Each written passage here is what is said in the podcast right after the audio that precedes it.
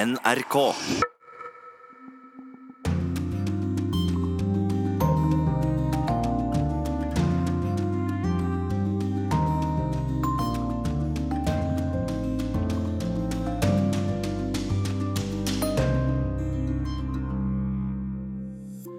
Storbritannias Theresa May har blanda følelser når hun nå gir seg som statsminister. Boris Johnson blir trolig etterfølgeren, og han får kritikk for ikke å støtte sin egen ambassadør i USA. Norge er bedt om å bidra med eskorte av handelsfartøy i Persiabukta. Hva konsekvenser kan det få for norsk sikkerhetspolitikk? I Kaukasus er Georgia på nytt havna i unåde hjå Russlands president Vladimir Putin. Det kan bety en elendig turistsesong. Og i Afrika begynner flere å lure på om den internasjonale straffedomstolen fungerer som den skal. Korrespondentbrevet blir av den spirituelle sorten, og det blir podkast fra Afrika med Tom Christiansen. Velkommen til Urix på lørdag, i studio Roger Severin Bruland. I Storbritannia går statsminister Theresa May av om rundt ti dager. Det er med en følelse av stolthet, men også stor skuffelse, sier May. Hun vil bli huksa som statsministeren som ikke klarte å gjennomføre EU-utmeldinga. Korrespondent i London, Øyvind Nyborg, har mer. Videoen av den litt robotaktige dansingen til Theresa May under et besøk i Afrika gikk verden rundt. Dansen passet også inn til hennes noe stive uttrykk. Prestedatteren, som heller ville sitte hjemme i sofaen med mannen Philip, enn å svinge glasset i Westminsters mange puber sammen med de andre politikerne. Uh. Ingen liker å bli beskrevet på en måte man ikke kjenner seg igjen i, men slik er politikken, sier Theresa May. Um, snart skal hun få portrettet sitt opp på veggen i Downing Street, som hun snart forlater.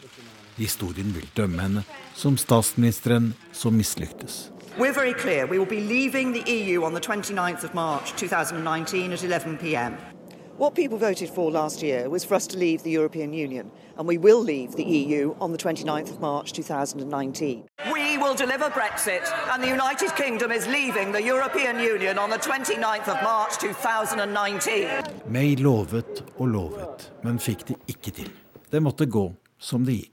But with enormous and enduring gratitude to have had the opportunity to serve the country I love. Statsminister May fikk ikke igjennom avtalen sin med EU, men det er lite selvkritikk å spore. Politikerne sa de ville respektere resultatet av folkeavstemningen, men gjorde det ikke, sier hun. I underestimated the uh, unwillingness of parts, some people in Parliament to compromise. Jeg undervurderte politikernes uvilje mot å inngå kompromisser, sier May. Order! The eyes to the right 202, the nose to the left 432. So the nose have it, the nose have it. Unlock!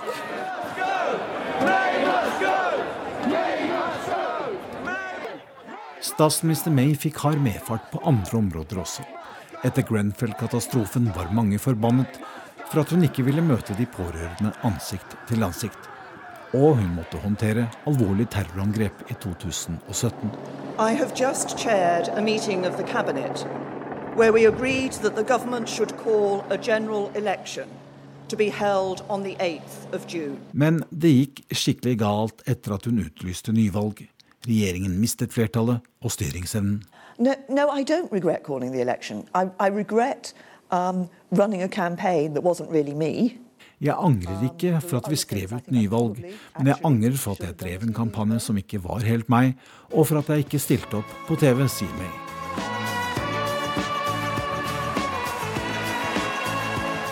Siste dansen er over for meg. Om kort tid leverer hun nøklene til nummer ti til en mann. I think it'll be a mixture of pride at having done the job um, but also uh, a degree of disappointment because there was more that I wanted to do.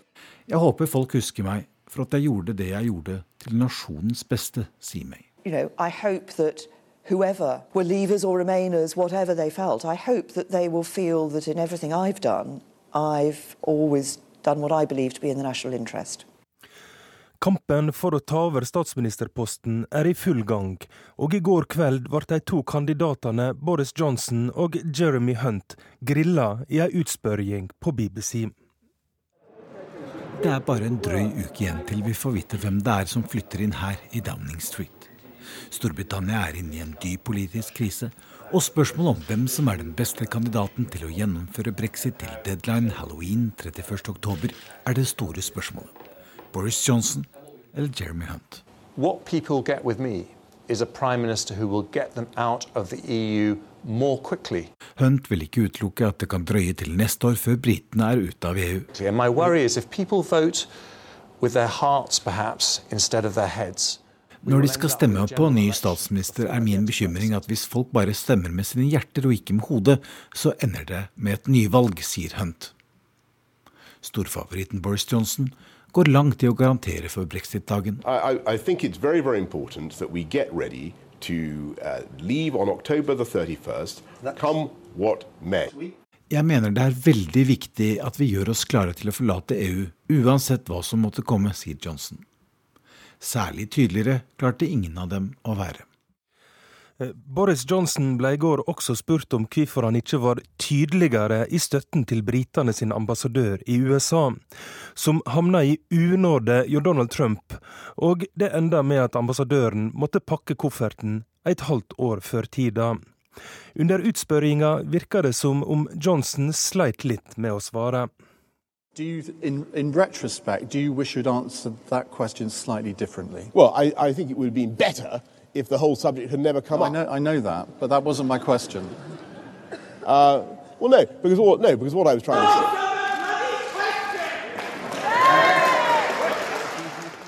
Det kom også, som vi hørte, tilrop fra salen, folk som krevde svar fra Boris Johnson. Og vi har med oss korrespondent Øyvind Nyborg i London. Eh, hvordan analyserer de britiske kommentatorene Johnsons eh, oppførsel i denne eh, litt kuriøse ambassadørsaka? Ja, nei, altså Det er jo slik at han har fått ganske mye kritikk, men det er jo klart at uh, her er det mange som har ulike agendaer.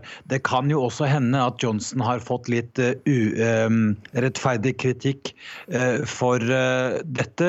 og det er jo da folk som ønsker å, å ramme hans statsministerkandidatur, som, som mener det. Men nå sier jo f.eks. Jeremy Hunt at han er, er klar på at eh, en av grunnene til at eh, ambassadøren gikk av, var at eh, Boris Johnson ikke var så særlig støttende til ham. Så dette er noe som vil henge med Johnson, og som har gjort at Johnson har hatt en litt dårlig uke.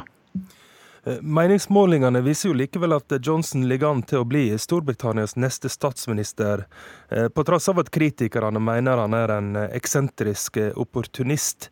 Hva er det som gjør Boris Johnson så populær? Ja, det er jo som du sier, han er eh, eksentrikeren. Han er mannen med det gule håret til alle kanter. Han skyter fra hofta. Av og til tråkker han kraftig i salaten. Mens Hunt er jo den litt mer beherskede, veloverveide og kanskje litt eh, kjedelige kandidaten. Og så er det jo ikke bare det. fordi eh, det ligger jo hard politikk bak dette også. Johnson har en popularitet som han drar med seg fra tiden som borgermester politimester i London. Eh, han har en del å vise til der. Det ble mer politifolk i gatene, kriminaliteten gikk ned. Han lagde liv og røre med OL, og han innførte sykkelstider og, og bysykler. så er det slik at mange ser på han som, har, eh, som, er den som har størst troverdighet i brexit-saken, og også mannen som skal kunne hamle opp med trusselen fra både brexit-partiets Nigel Farage og Arbeiderpartiets Jeremy Corbyn om man kommer til et nyvalg. Det har også vært ei eh, hendelsesrik veke for britene i sikkerhetspolitikken. Eh, britiske marinefartøy måtte gripe inn da Iran begynte å trakassere et britisk handelsskip. Og vi skal høre Jeremy Hunt her uttale seg eh, i et separat intervju, da i rolla som, som, utenriksminister, der han kommenterer den hendinga. none of us are for a conflict, and we all have a responsibility to protect shipping. So this is a time for cool heads. I'm being briefed uh, on an hourly basis as to what is going on, uh, and we want to do everything we can to make sure that we don't have an unintended escalation which could be very dangerous for the world. Og Øyvind Nyborg, en kan vel tolke Hunt som at britene ikke er spesielt interessert i å bli dratt inn i denne konflikten mellom USA og Iran i Hormuzstredet? Nei, og det er ikke noe de er spesielt glade for å være en del av.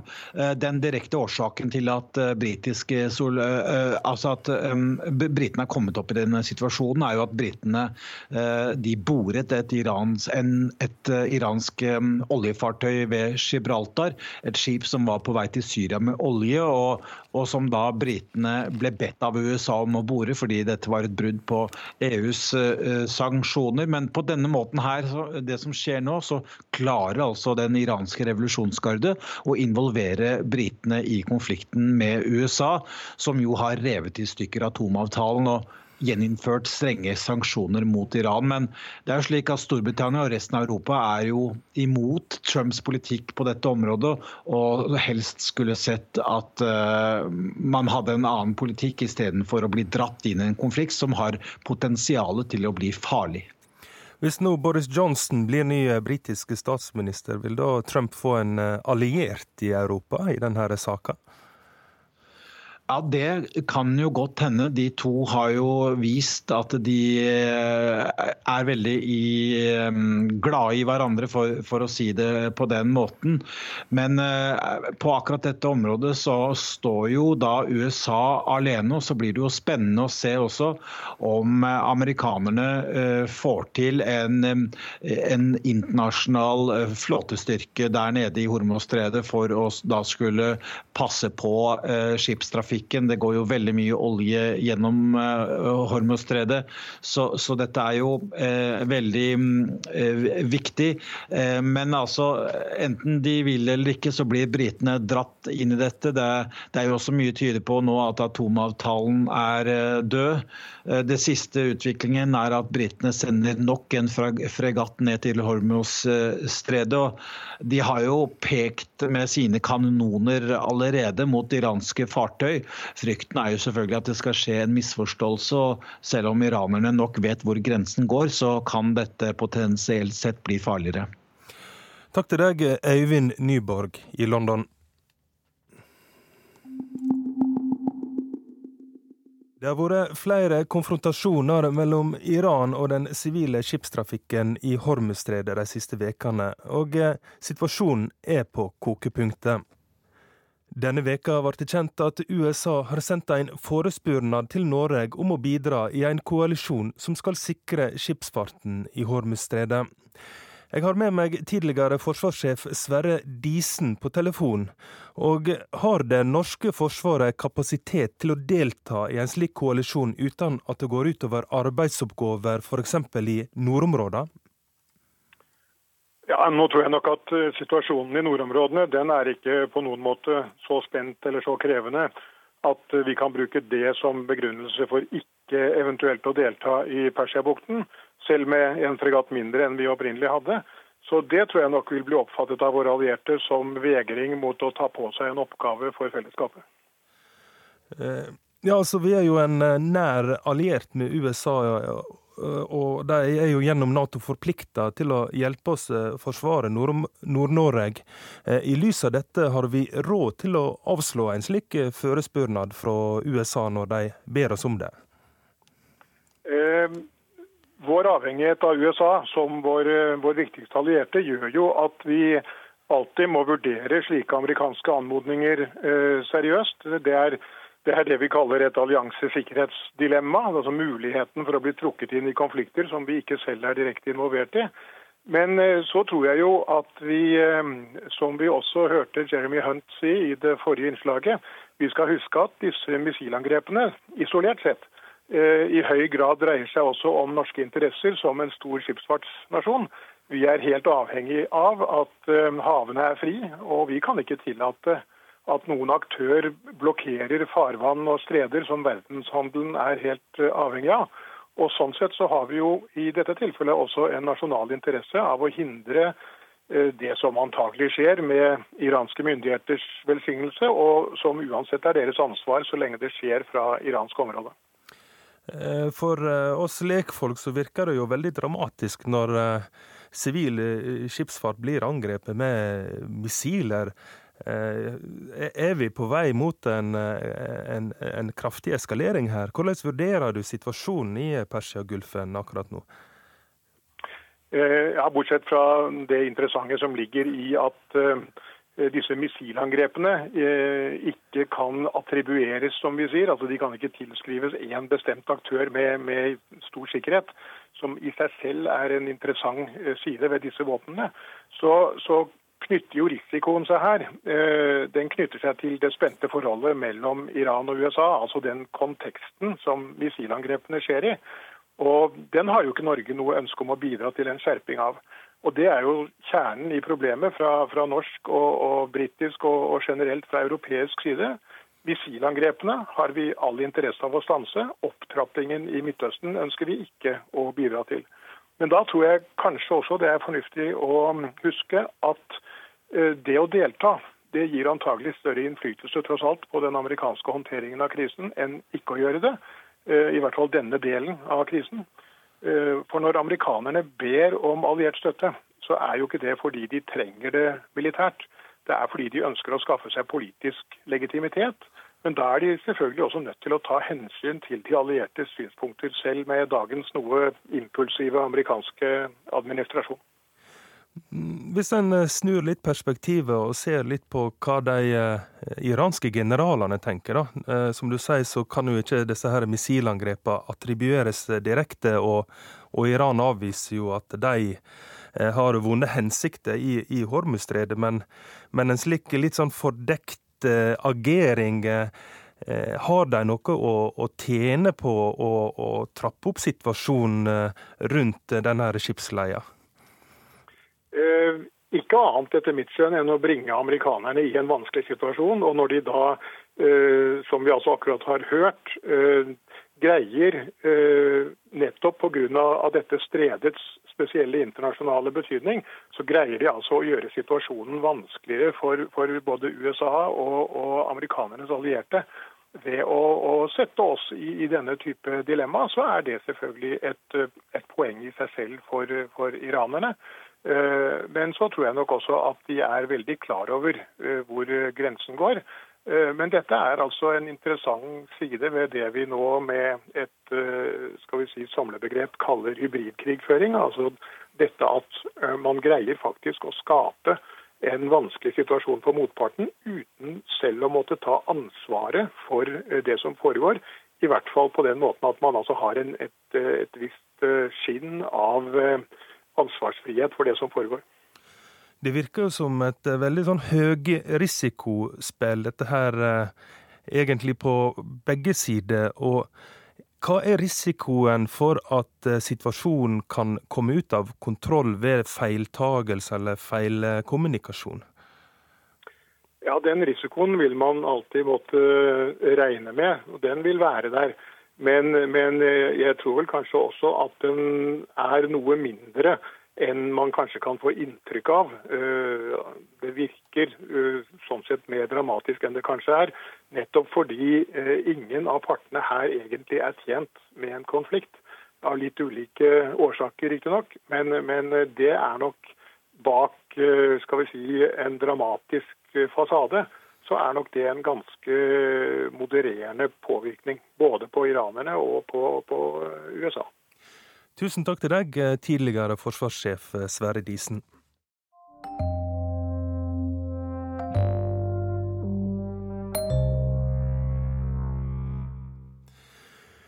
Nå skal vi til Kaukasus.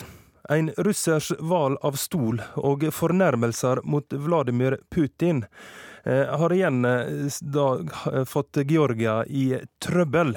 Og det er faktisk noe som eh, kan eh, føre til at det blir en veldig dårlig turistsesong i Georgia, for det er mange eh, russiske turister som, som reiser til det landet. og nå truer Russland med boikott pga. et georgisk TV-program. Eh, kollega Øystein Heggen har mer om dette. TV-verten Georgi Gabonia snakker russisk på den georgiske TV-kanalen Rostavi 2, for han skal nemlig hilse til Russlands president Vladimir Putin.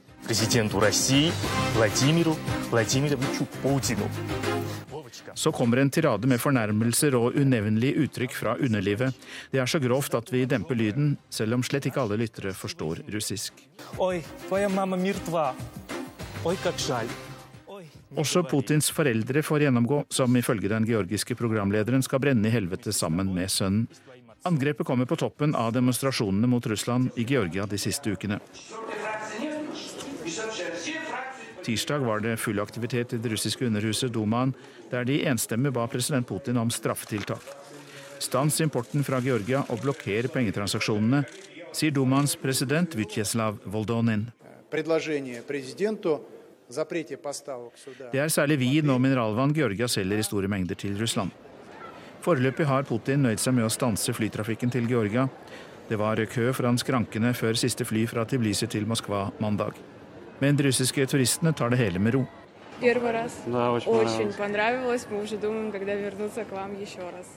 Det er vårt eh, første besøk. Vi elsket det. Gjestfrie folk, sier et ungt russisk par. En annen sier at georgierne håper at russerne kommer tilbake snart, og at han elsker Georgia.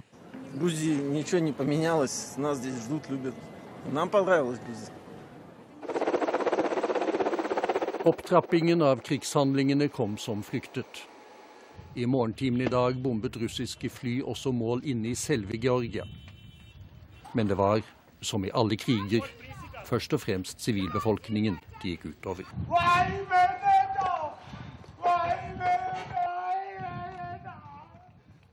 Det er ikke mer enn elleve år siden Lars Sigurd Sunnanå laget denne reportasjen til Dagsrevyen om Sør-Ossetia.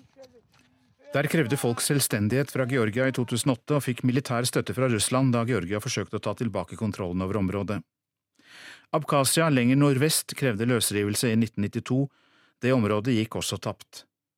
Georgia er ikke større enn to ganger Nordland fylke, nærmere 70 000 kvadratkilometer, men de to utbryterrepublikkene under russisk innflytelse utgjør om lag 20% av landet. Georgia og Russland har ikke diplomatiske forbindelser, men forholdet mellom de to landene har gradvis normalisert seg. I snart sju år har statsminister og forretningsmann Bidzina Ivanishvili balansert det vanskelige forholdet til Russland, samtidig som landet og flertallet i folket ønsker en integrering med Europa og et tett samarbeid med Nato.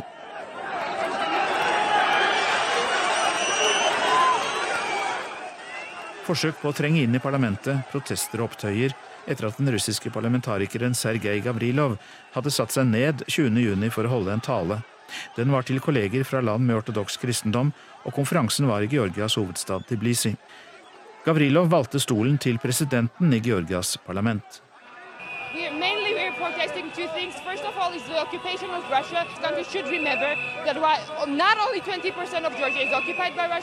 Da bildet av dette ble spredt, kom protestene mot at en russisk politiker snakket russisk fra stolen til presidenten i det georgiske parlamentet. Det var særlig opposisjonen i Georgia, blant dem tilhengere av tidligere president Mikhail Saakashvili, som frontet demonstrasjonene mot Russland og den georgiske regjeringen.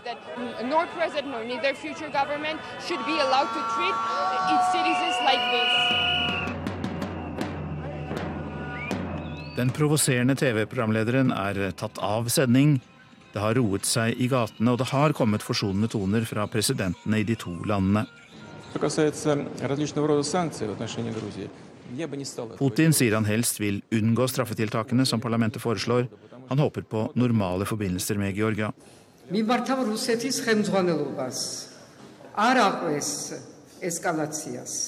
Ikke eskaler dette, sier Georgias president til Russland. Salome Surabishvili sier det ville være paradoksalt om et land reagerer slik at det styrker de radikale kreftene i et naboland og deres destruktive målsettinger.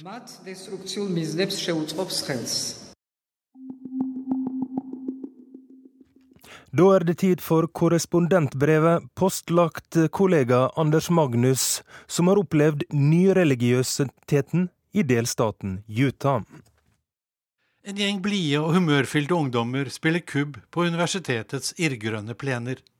Over dem ruver Rocky Mountains-kjedens utløpere inn i delstaten Utah, med spisse, majestetiske topper. Fortsatt godt dekket av snø, selv om vi har kommet nesten til veis ende i mai måned. De kjekke studentene passer godt inn i slike vakre omgivelser, blomstringen på busker og trær er i full gang, kaskader i hvitt, rosa og gult en litt sein vår her i høyden, 1400 meter over havet. De unge studerende er litt uvanlige, for de er mormonere, og de snakker norsk. Men hvorfor norsk? Særlig vinteren i Tromsø var hard, syntes en av de amerikanske jentene. Hun forteller om mørke dager med isnende sno i ansiktet, lukkede mennesker som haster forbi kulden og verken ønsker eller har tid til å lytte til budskapet. De vet jo ikke hva de går glipp av, vi har så mye fantastisk å fortelle dem, sier hun med stjerner i blikket. Under opphold i Tromsø makter hun heller ikke å omvende én en eneste stakkarslig sjel til Jesu Kristi kirke av siste dagers hellige, som mormonerne kaller kirkesamfunnet sitt. Hun skylder litt på dårlige språkkunnskaper, for da hun kom til Norge, kunne hun svært lite. Måten å lære seg norsk var å snakke med alle nordmennene som ikke hadde lyst til å høre hvordan Mormons bok og Josef Smiths lære kunne føre dem nærmere saligheten. Andre studenter forteller strålende om gleden ved å ha omvendt én norsk sjel til mormonerkirken etter to års hard misjonering i det kalde landet. Det gjør hele oppholdet verdt å slite seg gjennom, mener de. Så synes de nordmenn flest er ganske hyggelige og naturen vakker i Norge. Det hjelper.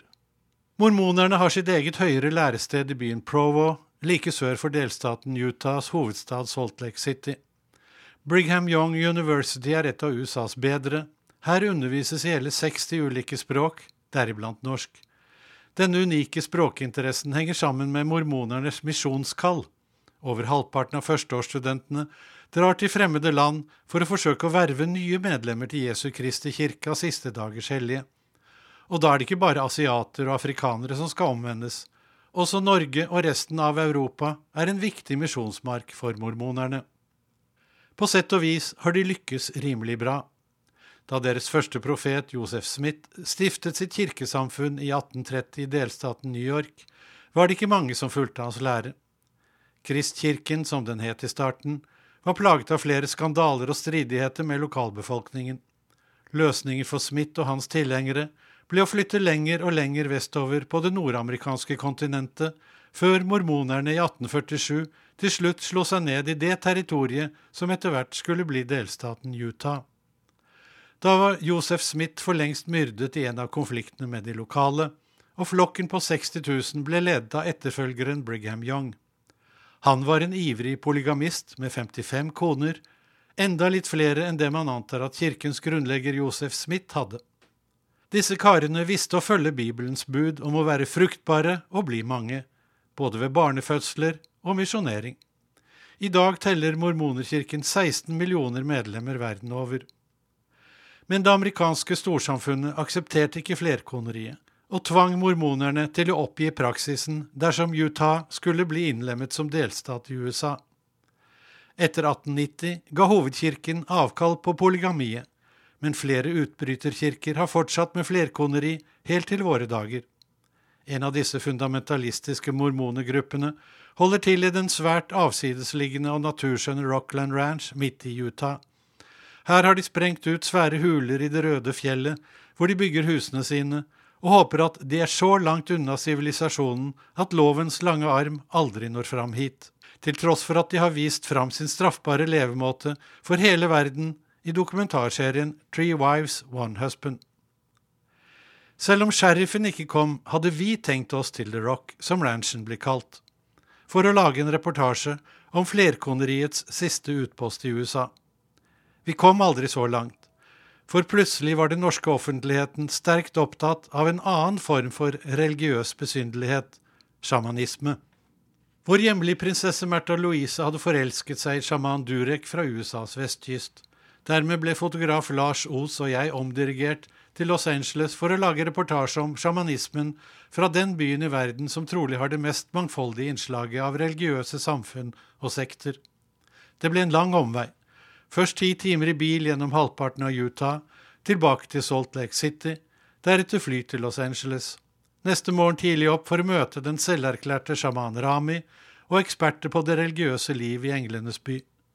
Kvelden kom med ekstra kraftig fullmåne, en såkalt blå måne i nyreligiøse kretser, og vi fikk bivåne et sjamanistisk renselsesrituale med tromming og personlige tilståelser, pluss krystallstein lagt ulike steder på kroppen for å påvirke chakraene.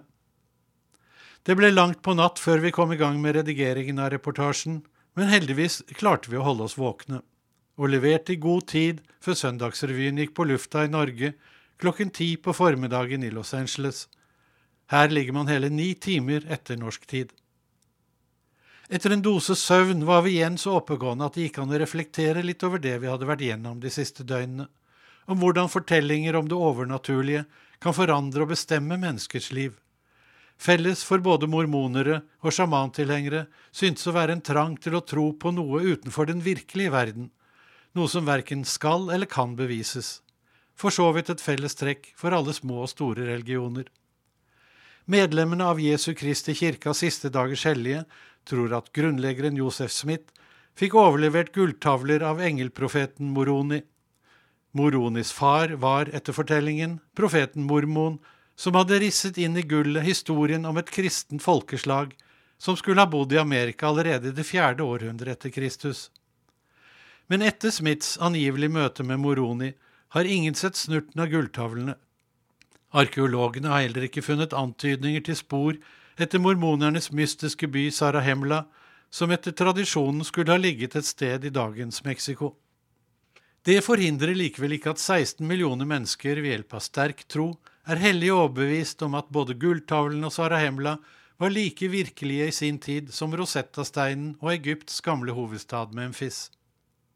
På samme vis kan både nyreligiøse og prinsesser være like sikre på at dagens moderne sjamaner kan rotere kjernen i atomene, også elektronene, rett og slett ved ren tankekraft, og på den måten redusere alderen til den som er så heldig å bli utsatt for sjamanens åndelige krefter. Tullpreik, sier fysikerne. Ingen tanker kan rotere atomkjerner. Det hindrer likevel ikke at mange mennesker er hellig overbevist om at jo da, det kan de. Men mennesker med slik ubetinget tro er også sårbare for maktmisbruk. Oppnår de ikke foryngelse eller religiøs tilfredsstillelse, kan sjamaner og prester snu det mot sine undersåtter og forklare det mislykte resultatet med at det er fordi de mangler tro å rette opp slikt kan gå hardt utover både lommebok og selvaktelse. I den utrolige selvbiografien Educated forteller norskættede Tara Westover om slikt religiøst maktmisbruk da hun vokste opp i et lite mormonersamfunn i Utahs nabostat Idaho.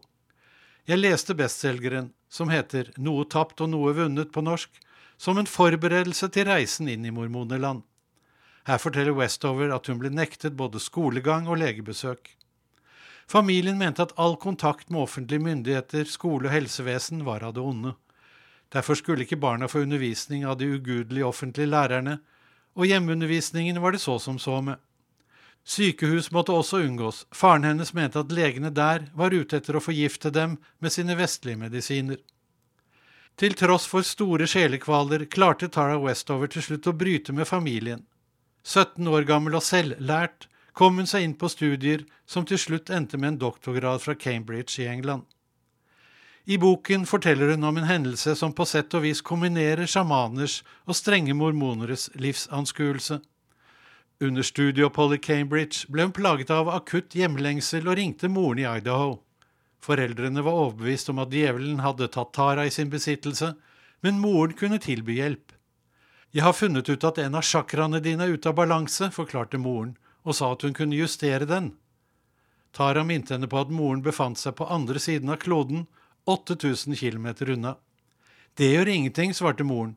Jeg justerer chakraen på søsteren din, og så vinger jeg den til deg. Du gjør hva? spurte Tara mistroisk. Vinger den? Avstand betyr ingenting for levende energi. Jeg kan sende deg den korrigerte energien herfra, forklarte moren. Datteren ga seg over, men avsluttet lattermildt. Hvordan reiser så denne energien? Med lysets hastighet, eller mer som et jetfly? Flyr den direkte, eller må den overnatte i Minneapolis? Tara hadde virkelig blitt en ikke-troende.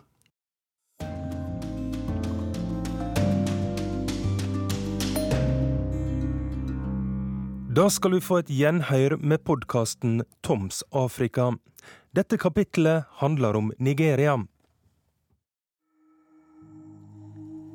I Nigeria møtte jeg hun som skulle steines til døde fordi hun ble gravid på feil tidspunkt.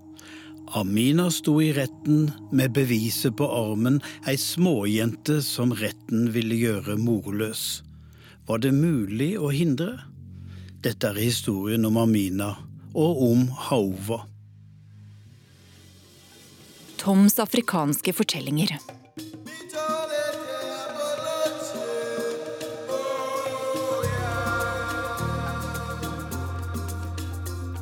Jeg heter Tom Christiansen og har vært Afrikakorrespondent i NRK.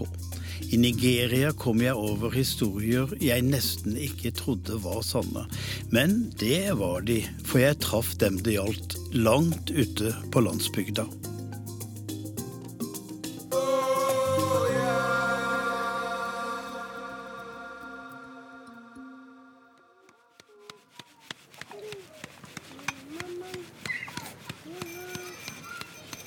Jenter vokser opp på landet. Den ene får alt, den andre får ingenting. Nord i Nigeria står stråhyttene tett, og der bor Amina med sine foreldre. Hun går barbeint på den røde jorda for å hente vann, akkurat som de andre jentene. De er møkkete med filler i kjolen. Aminas far hadde ikke råd til å sende henne på skolen. Det var viktigere at guttene lærte å lese. Jentene skulle jo bare giftes bort for en god pris. Derfor er det at Amina går og henter vann, feier tunet og lager mat. Hun skal gjøre kvinneting. Med potter og panner skal hun bygge sitt fremtidige hjem. Amina vokser opp som analfabet. Hun har ingen bøker hun skulle lest, hun har aldri hatt geografi og historie på skolen, ikke naturfag og ikke regning. Amina vet ikke om noen andre land og andre steder. Intet vet hun om kolonihistorien og britene og diktatorene og hvordan alt virker. En rettssal, for eksempel. Hun aner intet om hvem som er hva, hvilke rettigheter og forpliktelser de har. Det er et stort mysterium, men hun trenger ikke vite så mye om det, hun har ikke noe der å gjøre. Amina er muslim, Alt hun vet om profeten, er det far som har fortalt.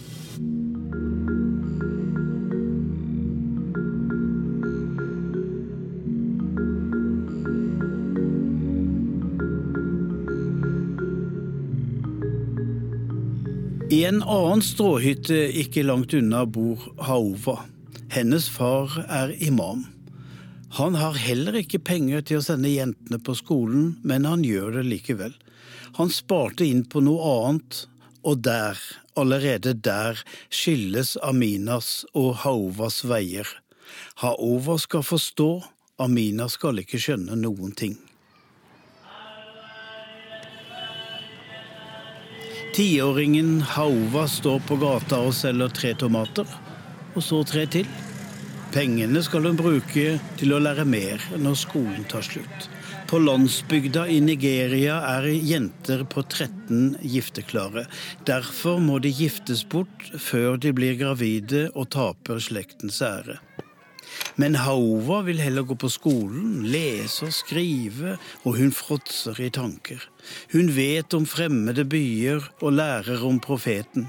Hun er flink og kan hoppe over flere årstrinn, og så blir hun lærervikar som 14-åring. Samtidig får hun videreutdanning. Alt Haova gjør er på tvers. Jenter skal være hjemme, og far er ikke begeistra. Så får hun se en lokal dame på TV. Hun sitter i skolestyret og mener jenter bør utdanne seg.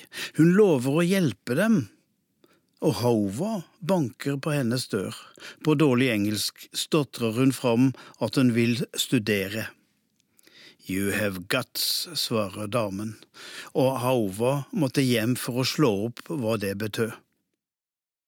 Hjemme sa far og mor at disse studiene ville ødelegge henne. De tok all tid, hun tenkte bare på seg selv og holdt ikke på med ting som andre gjorde. Bare disse glosebøkene. Ja, hun var nesten som en mann, kunne de se, men det var nå en overdrivelse. De milde, brune øynene, det vakre smilet, de runde kinnene, den slanke skikkelsen. Men hun hadde guts.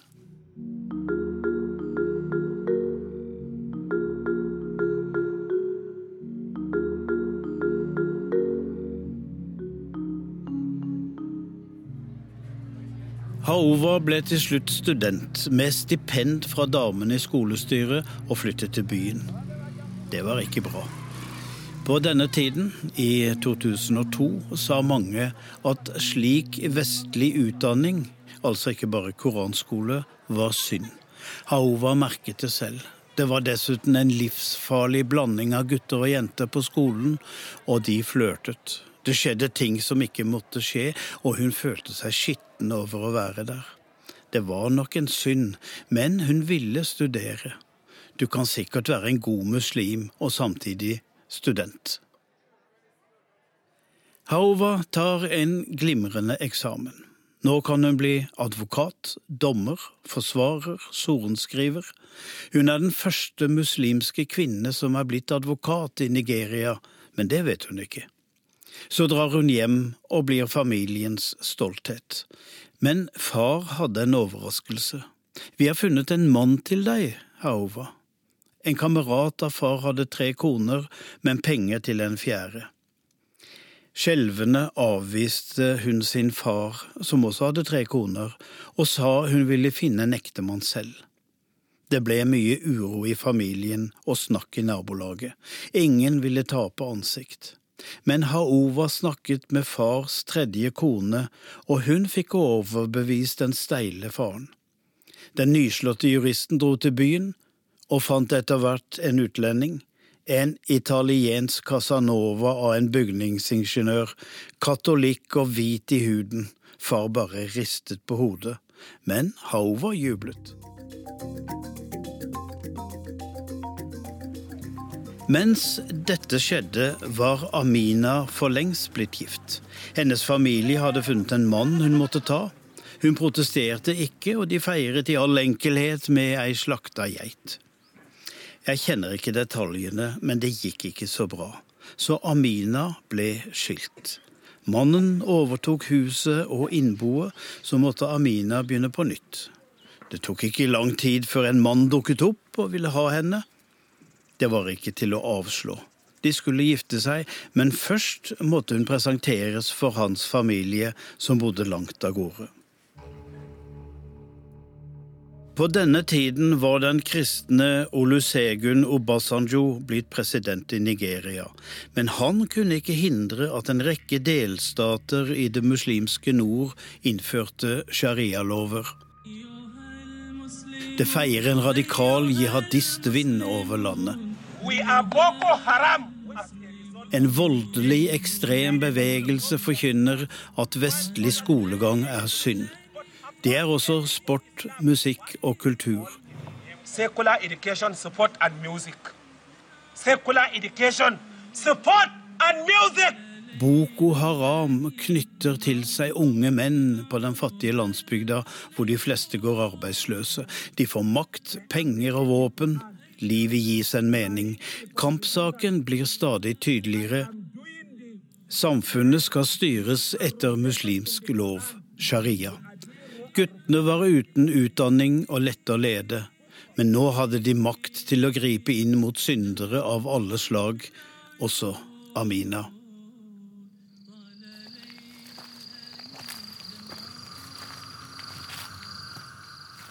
For hun er nå på vei for å besøke familien til mannen hun skal gifte seg med. Og underveis må de overnatte under åpen himmel. Der, under stjernene, tar følelsene overhånd. Amina har funnet kjærligheten. Så gifter de seg, men det er dessverre for seint. Hun ble gravid den natta før ekteskapet ble inngått. Etter de nye sharialovene er de da begge skyldige i utukt og skal dermed straffes med døden ved steining. Verken Amina eller mannen aner noe om den loven. Unge, ivrige menn fra Boko Haram drar rundt på bygdene for å finne syndere. Amina er et lett offer. Hun og mannen og ungen satt på en benk i skyggen da de kom. Hvor gammel er ungen? Når giftet de seg? De regner ut forskjellen og kommer ikke til ni måneder. Amina hadde altså syndet. De trakk henne for retten. Hun sto foran en dommer og skjønte ikke hva som skjedde. Hun svarte ærlig på noen spørsmål om hva som hadde hendt, og på armen satt Vasila, hun som skulle miste sin mor året etter. Amina hadde ingen forsvarer og ingen mann ved sin side. Barnets far hadde stukket av. De dømte henne til døden. Det skulle skje så fort hun var ferdig med å amme. Hun skulle graves ned til livet med en sekk over hodet, og så skulle landsbyens mest respekterte menn kaste stein til hun døde av det. Jeg traff Amina i denne perioden, og jeg måtte kjøre langt på landet. Hun var syk, hadde vondt i magen. Det kom fremmedfolk hele tiden, og Amina snakket ugjerne med menn. Hun visste ikke hvordan hun skulle opptre for fremmede. Hun satt der, bredbent i sin fargerike kjole. Hun var blitt 30, vakker, men preget av livet på et småbruk og tunge tanker om framtida. Naboene trakk seg litt tilbake da jeg kom. Hun likte ikke den besøkende. Kan han ikke snart gå? Han spør så fælt.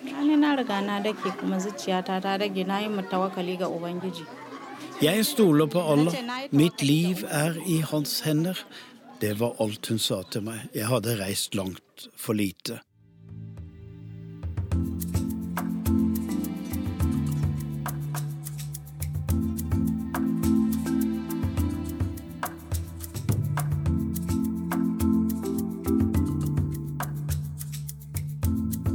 Haova praktiserer som advokat i hovedstaden Abuja. Hun står i retten med sitt flotte, svarte krushår og med den britiske hvite pudderparykken på toppen. Hun leser om Amina i avisen. Er det mulig? Amina kommer jo fra samme del av landet som henne selv. Amina, analfabet som de fleste kvinner nordfra. Haova drar for å finne Amina. De er like gamle og var like fattige som barn. Men fedrene deres hadde gjort forskjellige valg. Nå sitter Amina og Haova på den samme benken som da sharia-politiet kom. Amina forteller alt. Vi anker, sier Haova. Dette går ikke an. Du skal ikke steines. Amina tviler. De hadde prøvd å anke selv, men ble avvist og ledd av. Hun var bare redd de folka. Men du kan ikke være her, Amina, du må bort. Denne saken med Amina vil hun ikke tjene en naira på. Det er ingen som kan betale. Men denne saken skal hun ta, og vinne, for det står om livet til en kvinne som kunne vært henne selv. And like you know, in the northern Nigeria, sadly, over 80% of the women are illiterate, completely illiterate. Men kan hun dette? Haova er utlært i vestlig juss, ikke muslimsk rett. Hun har lagt en plan nå som hun røper, og jeg blir helt forbløffet. For sharialoven gir de siktede store rettigheter, og de er ikke innfridd. Amina hadde ingen forsvarer. Hun hadde ikke forutsetninger til å forstå hva som skjedde. Dermed er hun urettmessig dømt. Nå leser Hauva sharialov og muslimsk teologi samtidig. Og så kommer hun over lærestykket om det sovende embryo. For hvis det er slik at et foster kan sove i to år i Aminas mage, så kan det teoretisk være eksmannen som er faren, og at hun ikke har begått en straffbar synd. Jeg tar meg til hodet om å spørre et sovende embryo. Du tror da vel ikke på dette, Haova? Spør ikke meg om teologi, Tom, men er dette rarere enn jomfrufødsler? Læren om det sovende embryo, forstår du, det ble utviklet av Malik ibn Anas, født i 715 i Medina. For slik er det, sier Haova. Hun får smale øyne og holder seg for kinnet, og vi knekker sammen av latter. Skal hun virkelig overbevise fem dommere om dette? Men det blir ikke vanskelig, tror hun. Det er jo fra dem denne læren kommer.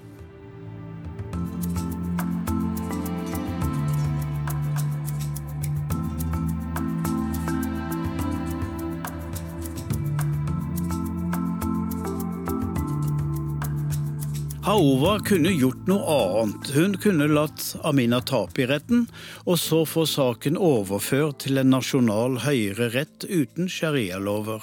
Der ville hun glatt bli frikjent. Men Haova vil at Amina skal bli frikjent i en sharia-domstol. Hun skal bruke sharia-retten mot dommerne. Hun skal stå midt i domstolen Haova med skautet rundt hodet og fortelle om de to sovende år og Amina Lavals forsinkede svangerskap. Hun skal ikke prosedere på at steining av utro kvinner er i strid med menneskerettighetene, hun må godta loven, men hun skal slå dem med deres egne argumenter, med de hvitkledde dommermenn mennenes egen lære. Hun kan sin koran nå, Haova Ibrahim, som skal bli en av Nigerias fremste advokater. Hun skal bruke sharialoven for alt det den er verdt.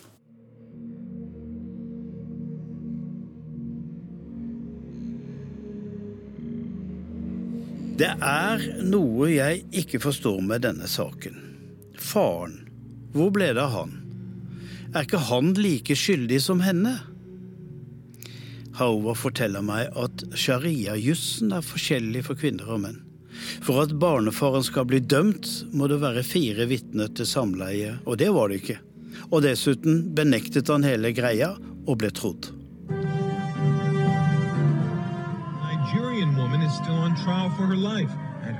Lawal was convicted of having sex and bearing a child outside marriage.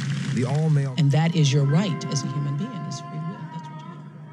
Haova for internasjonal støtte. Oprah Winfrey ber sine seere vise sin avsky, og det renner inn 1,2 millioner e-postprotester til den nigerianske ambassade i Washington. Haova trengte ikke menneskerettsaktivistene da ankesaken begynte. Reaksjoner fra Europa og USA overbeviste ikke retten om annet enn at den tiltalte fikk sin støtte fra hedninger over hele verden. Og Haova formante tilreisende demonstranter ikke finn på noe tull nå, ikke ødelegg opplegget mitt.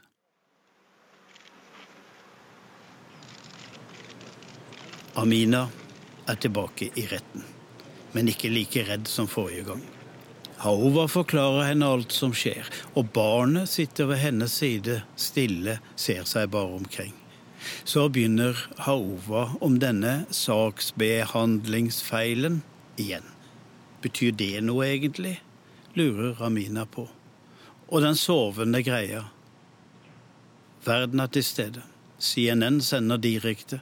Amina vet ikke hva det betyr, hun har ikke fjernsyn. Så reiser dommerne seg til slutt, og hun må selv stå opp. Og nå skjønner hun hvert ord. Hun er frikjent for tiltalen. Amina hadde ikke mye å si til BBC, CNN og Al Jazeera. Allah er god, Allah er stor, sharia er en god ting.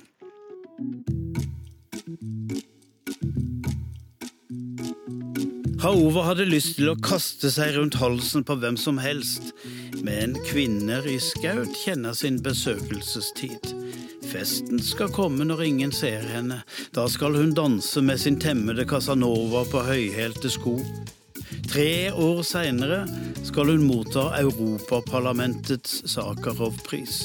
Siden utgir hun en bok med sju strategier for å vinne rettferdighet i sharia-domstoler. Hun skal etter hvert reise verden rundt og motta heder og æresprofessorater.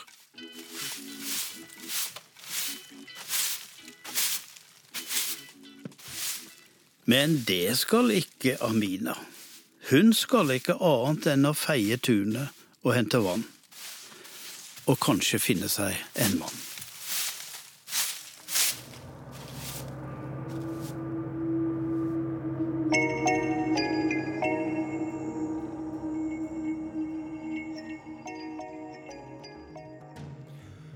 Vi avslutter med de skotsk vise, ei påminning om at britiske politikere må tåle mye spit på veien mot toppen.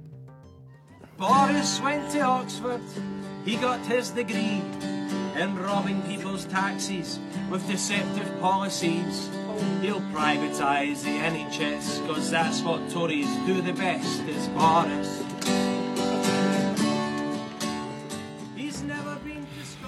Urix på lørdag er slutt. Teknisk ansvarlig var Lisbeth Sellereite. Produsent Emra Sanel. I studio Roger Severin Bruland.